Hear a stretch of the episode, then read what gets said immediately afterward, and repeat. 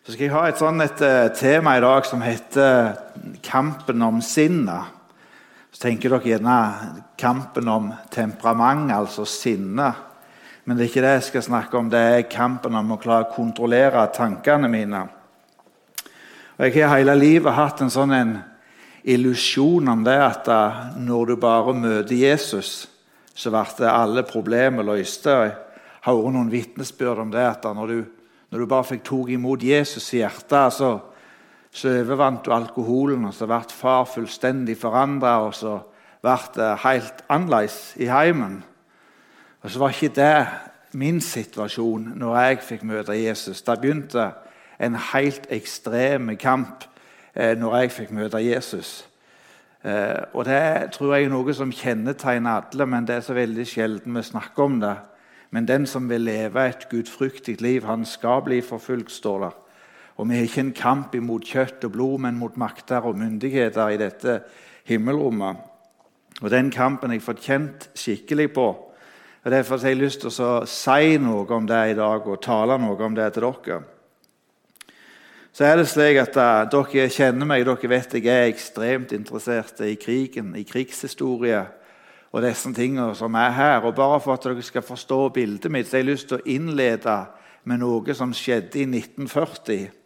Når den tyske okkupasjonsmakten kom som venner til Norge og ville være våre venner. På den tida var det en sånn politisk situasjon i landet at vi skulle ikke ha våpen. Vi skulle være mot en væpna konflikt. Vi skulle legge oss på den nøytraliserte linja og vi skulle tenke godt om alle. Det var litt status det i samfunnet å gå med en pinn som det sto at det knokna gevær på. Og så vet dere hvordan det var. Tyskland de bygde opp. Og Så kom de inn i vårt farvann.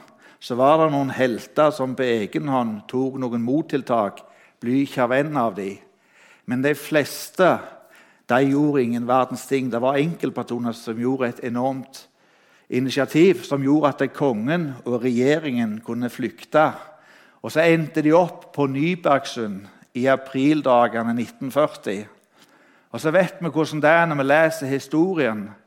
Der sa kongen et klart og tydelig nei. Det ble utnevnt en ny forsvarssjef som het general Otto Ruge. Og Han tok og ga ingenting etter. Han ville ikke forhandle med tyskerne, han ville ikke gjøre noen kompromiss med dem. Han sa det av hensyn til neste generasjon så må vi kjempe med det vi har. Og Så ga han ordre om å sprenge alle innfartsveier inn til Oslo. Han gjorde det klart for hele verden at Norge kommer ikke til å bli gitt en meter uten kamp. Dagen etterpå så var Nybergsund bare ei røykende branntomt. Det var bomba sammen, alt sammen. Og Sånn er det når personer står opp i livet. Mitt kall var det stå opp imot seksuell synd og pornografi. Så jeg har fått noen spørsmål hvorfor vil du holde på med det der. Så kan jeg si av hensyn til den neste generasjon og de som kommer etter meg, så kjemper jeg. Og jeg er slåss. Jeg har betalt prisen for det. Og jeg skal love dere at jeg har slitt med tankene. Jeg er sliten med sinnet mitt. Jeg er sliten med det som skal holde kontroll på sinnet mitt. Og så Hjemme på kontoret mitt, hjemme på huset mitt Når jeg møtte Jesus, var det slik at jeg måtte ha bilde av Jesus på telefonen. Jeg måtte ha bilde av Jesus på veggen hjemme. Jeg hengte opp bilde av Jesus på kontoret. Jeg hadde bilde av Jesus alle plasser, jeg har det den dag i dag. Og når jeg var på ferie, og så gikk jeg inn i stua så så jeg på bildet av Jesus. Og så står Jesus og ser han opp til himmelen sånn som det er. På hvert et eneste bilde som jeg har, så står Jesus og så kikker han opp til himmelen. Og så tenker jeg, Hvorfor står Jesus sånn som det? Jo, vet du hva? Før Jesus ble sendt ut i ørkenen og ble frista, så står det der, vet du, Han møtte de forskjellige, så sa han kan vi ikke bygge det, og kan vi ikke gjøre det, kan vi ikke gjøre det. Og Så kommer det en røst fra himmelen etter han hadde blitt døpt av av døperen. ikke sant? Sånn, 'Dette er min sønn, den elskede. I han har jeg mitt velbehag.' Etter Jesus hadde blitt bekrefta av sin egen far, så var Jesus villig til mer eller mindre å gjøre det som han måtte til. Ikke mer eller mindre, han gjorde det som måtte til.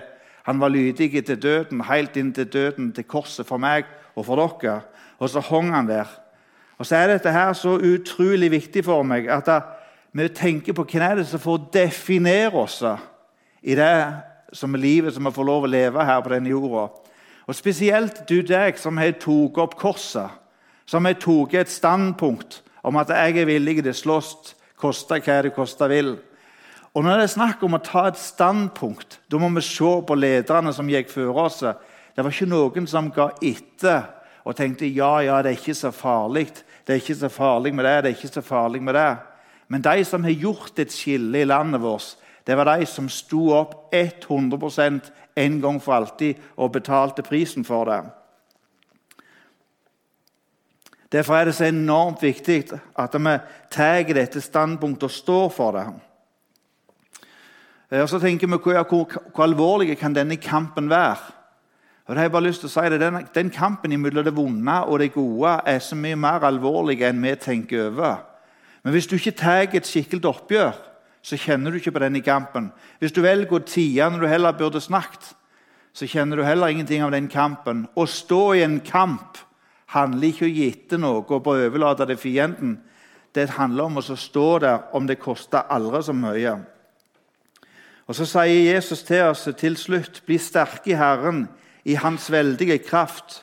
Ta på Guds fulle rustning, så dere kan stå mot djevelens likstige knep. For vår kamp er ikke mot kjøtt og blod, men mot makter og åndskrefter, mot verdens herskere i dette himmelrommet, mot ondskapens ånde her i himmelrommet.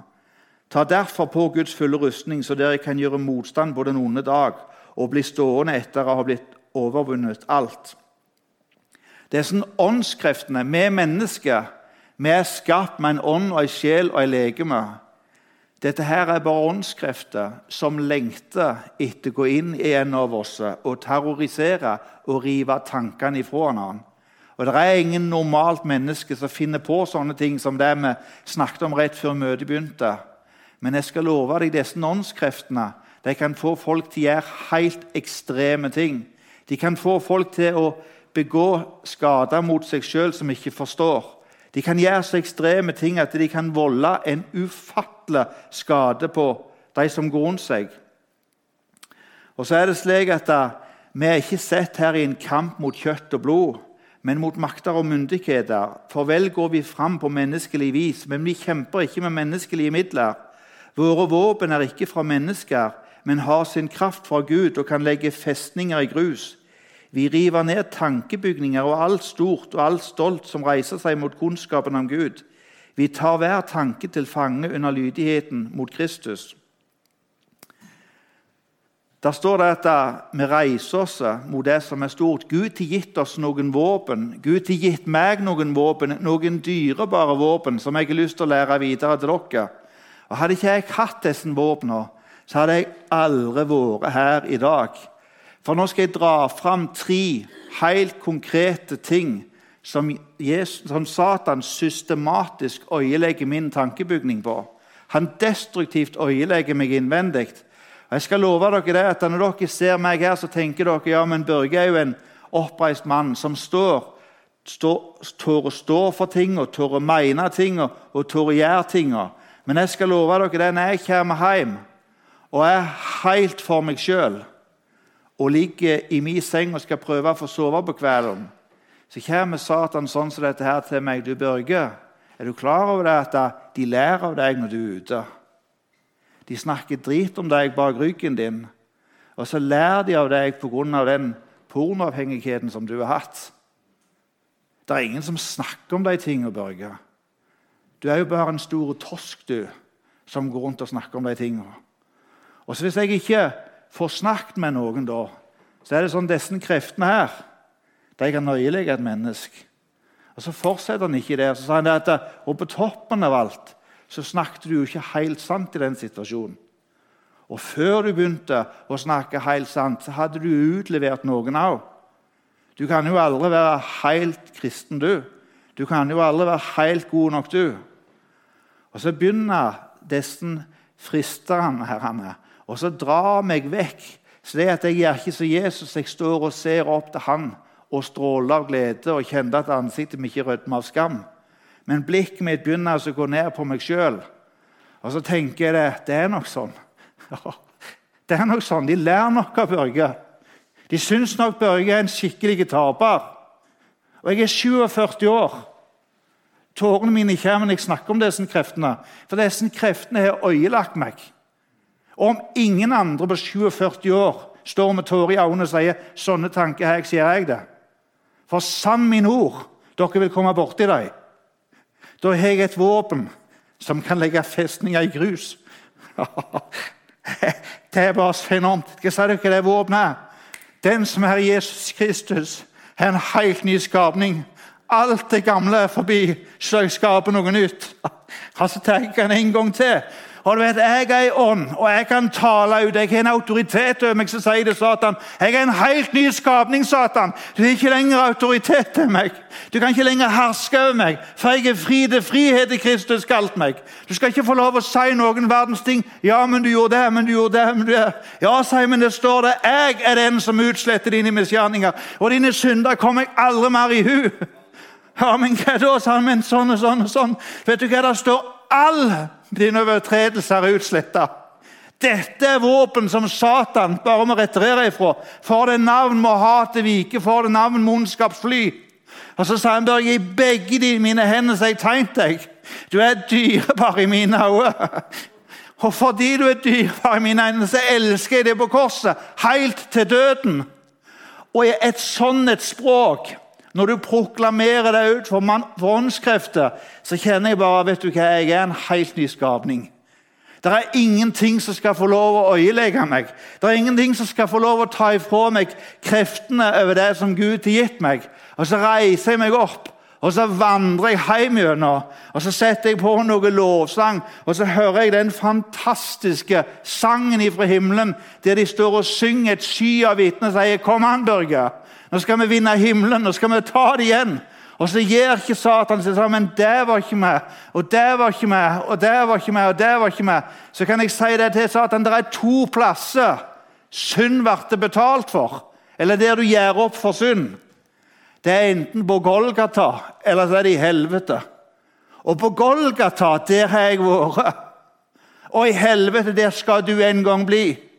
Og den beste medisinen du kan tale ut. For på Golgata det var ikke Satan med i det frelsesverket som var der. Men det var for deg, og det var for meg. Og i mine sår så har du fått legedom. Du er rein, du er rettferdig, du er himmelen verdig. Jeg ser ikke synd i deg. Og Når jeg får hørt dette her inn i mitt liv, så reiser jeg meg opp. Og så tar jeg tilbake den autoriteten som Gud har gitt meg. Og så går jeg på vandringen hjem gjennom og så deler jeg med vennene mine. Jeg deler med de som er rundt meg. Ikke fordi at de skal lære av meg. Og hvis de lærer av meg, så er det ikke jeg som har et problem. Men jeg deler det for at de skal få lov å oppleve den samme friheten som jeg har fått opplevd. For jeg skal love dere én ting. Satan skyr ingen midler.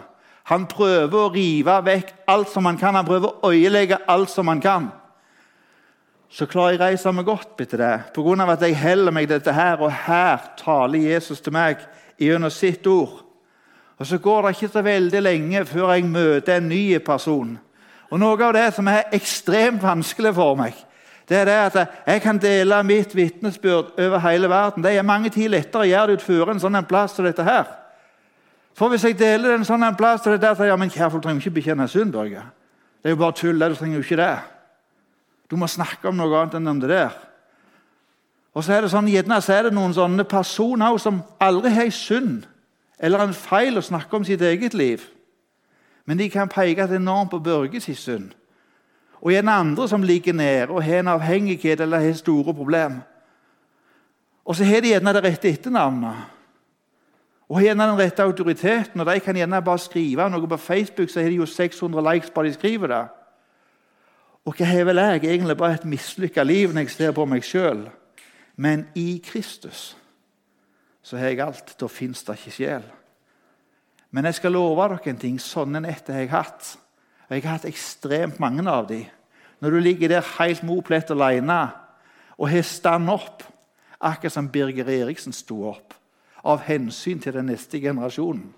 Av de folka som i dag ikke lever, for de sto opp for friheten så liker jeg sånn og får ikke sove. Så tenker jeg på dette her. Men så har jeg en sånn forunderlig Gud. Og så kom Gud til meg, og så drog han meg med opp til en høyde som heter Golgata. Og Denne høyden som heter Golgata, er så vanvittig kjær for meg. For vet du hva? På Golgata er det ikke maktpersonene som definerer hva som er synd. Det er ikke det stilltiende flertallet som bare kan se på at det Børge blir ledd av, som har noen ting de skulle ha sagt. På Golgata er det ikke flertallet som bestemmer. På Golgata er det ingen som kan ta med seg alle kameratene sine og den kule gjengen og stå bak og snakke om synden til alle andre. Vet du hva? På Golgata så skiner Jesus sin kjærlighet og hans herlighet så ekstremt sterkt at alle ser det at i møte med den tre ganger hellige Gud, så er det ikke sjel på den synda eller den synda eller den synda eller den synda. Og For meg så er det bare helt fantastisk å være der på Golgata. Men gjennom alt det, for det fins ikke fordømmelse på Golgata. Jesus står ikke ute til å ta noen. Det er liksom ikke en sånn, en, liksom ikke en, sånn en kappgang til å finne synd. Men det henger en frelser der på det korset, som er nagla til et kors. Der blodet renner ned igjennom. Og der smerten er så ubeskrivelig at det kan ikke snakkes om det. Det er ikke et språk for det på denne jorda. Men denne frelseren som henger der på korset, han ser ikke synda. Han ser bare til hjertet, til lengsel etter å få komme fram og så legge av synda som den enkelte sliter med. Og Så ser han forbi det du har gjort, for han ser det dyrebare som er bak den synden som er gjort. Og Så sier han 'kom og legg det av med korset'. Og så får jeg lov å gå og legge av med korset den ene synden etter den andre. Og Det er bare så fantastisk å være der på Golgata. Det er en oppstandelseskraft på Golgata som er helt enorm. Og Hvis dere leser om Golgata når Jesus sto opp, eller han sa at det er, det er fullbrakt, så revna forhenget. Altså Det som Gud hadde gjort, det soningsverket, det var så fullkommen at det var ikke lenger et skille mellom oss og Gud. Og Gud og Ånda kunne ta bolig rett inn hos oss, for jeg var helt vaska. Jeg var helt ren. Jeg var helt rettferdig. Og Sånn er det for alle de som har tatt sin bolig hos Gud. Og Så tenker dere ja, men jeg er ikke slitt med det som Børge er slitt med. Jeg trenger ikke reise rundt og bekjenne synd sånn som han er. Så kan Jeg bare si det, vet du ikke, jeg reiser ikke rundt og bekjenner synd. Jeg står ikke og sier at jeg sleit med pornografi for å bli ren i møte med Jesus. Men vet du hva Jesus har gjort meg ren? Derfor står jeg her og forteller det til dere. Han har gjort meg ren, han har reist meg opp, han setter føttene mine på en klippe. Han ga meg en ny sang, han ga meg en lovsang. Og så ble det gjort en byttehandel der på Golgata, slik at Jesus sin frimodighet ble min frimodighet. Og mitt vrakna liv ble lagt til Jesus. Derfor har jeg en frimodighet som veldig få har. For det er ikke min frimodighet. Og Derfor står jeg og sier disse ting til dere. Vær frimodige, for det er akkurat den samme frimodigheten jeg handler på, som dere handler på. Og Det ligger meg så ekstremt på hjertet å si det til dere. Ikke se smått på hva du egentlig har, for du fikk akkurat det samme på Golgata. Og Så tenker du ja, men jeg, hva vel jeg? Jeg er jo bare en vanlig mann som har et helt alminnelig, vanlig yrke. Hva har vel jeg? Jeg har vel ikke fått til noen ting i livet. Hva har vel jeg? Hvem kan vel jeg vinne? Jeg føler meg jo ikke normal engang. Så kan jeg si, vet du hva, Det er ingen normalt menneske på hele denne jorda siden tidene starta som har klart å utrette én ting som har forandra verden. Gud har bare brukt helt vanlige og uvanlige folk til å gjøre sitt rike på denne jorda. Og du er kalt. Og din tjeneste ser ikke ut sånn som min tjeneste gjør. Det var ikke mange lærde, det var ikke mange av høy rang. Det var ikke mange som vi hadde trodd at han kunne gjøre en forskjell. Jeg skal si dere noe. Det er ingen med doktorgradsavhandling som har hjulpet meg noe særlig. Det er ikke de med x antall studiepoeng som har klart hjulpet Børge. Men de som har hjulpet Børge, det var de minste små. Som kunne ta meg opp til korset og si 'Her fikk jeg legedom'. Her fikk jeg sår. Her fikk jeg sitt Jesus. Her fikk jeg lagt av min synd. Om han jobber som politimann, eller om han jobber som lokfører, eller han jobber som tømmermann eller han jobber som lærer, det er akkurat et fett. Jesus elsker akkurat like mye. Og så spør han vil du gå. Er du villig til å ta opp kampen? Er du villig til å stå opp for meg, slik at jeg kan få lov å gå ut med dette glade budskapet? Og så er det sånn, Dette sinnet, dette, dette her kampen om sinnet du tenker Hvorfor, hvorfor står Børge og snakker om kampen om sinnet? Hvor viktig det er å hele veien ha fokus på at jeg er i Kristus. For Den eneste plassen jeg er fri, den jeg er i Kristus. Den jeg vet hva jeg er, og hva jeg har i Han. Det er den eneste plassen jeg er fri. Og Så har vi hatt sommerferie nå. Vi var ute og kjørte tur med bilen. Og så er det slik at Hvis vi hadde kjørt med bilen, og så plutselig så kom til et ekstremt stort parti i veibanen der asfalten var vekke, og så var det sånn et hull ned, og så kjørte vi rett over bilen og grapsa hele forhjulsoppstillinga. Knuste båndpanna så hadde vi jo ringt til veisentralen og sagt at det er et enormt hull her borte. Og Så sier han på veisentralen ja, vet du hva, du er ikke den første som ringte og sagt det. Det er sikkert 20 biler de siste uke som gruste båndpanna. Og de måtte jo betale det sjøl, for de kjørte jo uaktsomt. For du skulle jo avpasse farten til for så forsikringen gjelder ikke. Så hadde de jo blitt litt sånn småfyrt, og så sa de hvorfor sa dere ikke noe? Vet du hva? Det er sånn her som hetsleget et kamp om sinnet, som jeg ikke beskrevet for dere nå. De er villige til å ta sitt liv når Satan bare får lov å herje lenge nok. Og Så ringer de og sier men hvorfor sa dere ikke noe. Hvorfor all verden ga dere ikke beskjed at det er sånn Satan opererer? Hvorfor sa dere ikke noe før at du bare leser i dødsannonsen at han tok livet sitt? Det er bare det at det er ikke snakk om ei båndpanne som må tas på nytt igjen. Det er ikke det at det er forhjulsoppheng som må repareres. Det er et liv som vi aldri får igjen. Derfor har jeg valgt at jeg skal bruke mitt liv til å fortelle dere noe om kampen om sinnet. Kampen som det går inn på den som vil ta opp korset og følge Jesus. Og jeg, jeg, skal, jeg, skal, love dere en ting. Jeg føler meg som en torsk mange ganger. Men i Jesus så føler jeg meg rein, jeg føler meg rettferdig, jeg føler meg oppreist. Jeg kan se hvem som helst i øynene. Jeg har ingenting å skjemmes av, for Jesus har vasket vekk synda mi. Han har utsletta skyldbrevet mitt, og han kommer det aldri mer i hu. Så jeg er det. Så jeg, jeg, jeg, elsker gamle musikklagssanger. Sånn. Det er å bli for meg en gåte at jeg er hans og han er min. Jeg, jeg elsker den sangen. Men jeg kan bare ikke forstå Hvorfor er det ikke mer jubel og glede når du får høre hva som er tilgitt? Når du får høre hva som er, hva som er utsletta? Kan du tenke deg han kommer det aldri mer i hu? Av og til så kommer Satan og sier du, datt du, den gangen er du ikke bekjent for Jesus. Sier Jesus, kan du tilgi meg den gangen jeg ikke sa? Så sier Jesus, jeg er sjekket i ditt skyldbrev mange ganger, men det står ingen verdens ting. For det ble utsletta på Golgata. Så radikalt og så vanvittig stort er det. Og sånn er det vi skal få se opp til Han og stråle av glede, vi som sitter her inne. Og Jeg har så lyst å bare oppmuntre deg. Gå med det lille du har. Ikke tenk at du må ha et sånt eller et sånt eller et sånt vitnesbyrd. Du må ikke være sånn eller sånn eller sånn. eller sånn. Vet du hva? Hvis du bare snakker sant i dag, så forstår folk du er frelst. Det er egentlig ikke mer enn det som skal til. Hvis du bare sier det at vet du hva, jeg fyrte meg litt opp nå. Kan du tilgi meg for det? Jeg klarte å skjelle ut en person jeg, i jobbsammenheng. Så kjente jeg at dette var ikke greit. Og Jesus kom til meg og sa det at du, eh, du må gjøre opp med han der.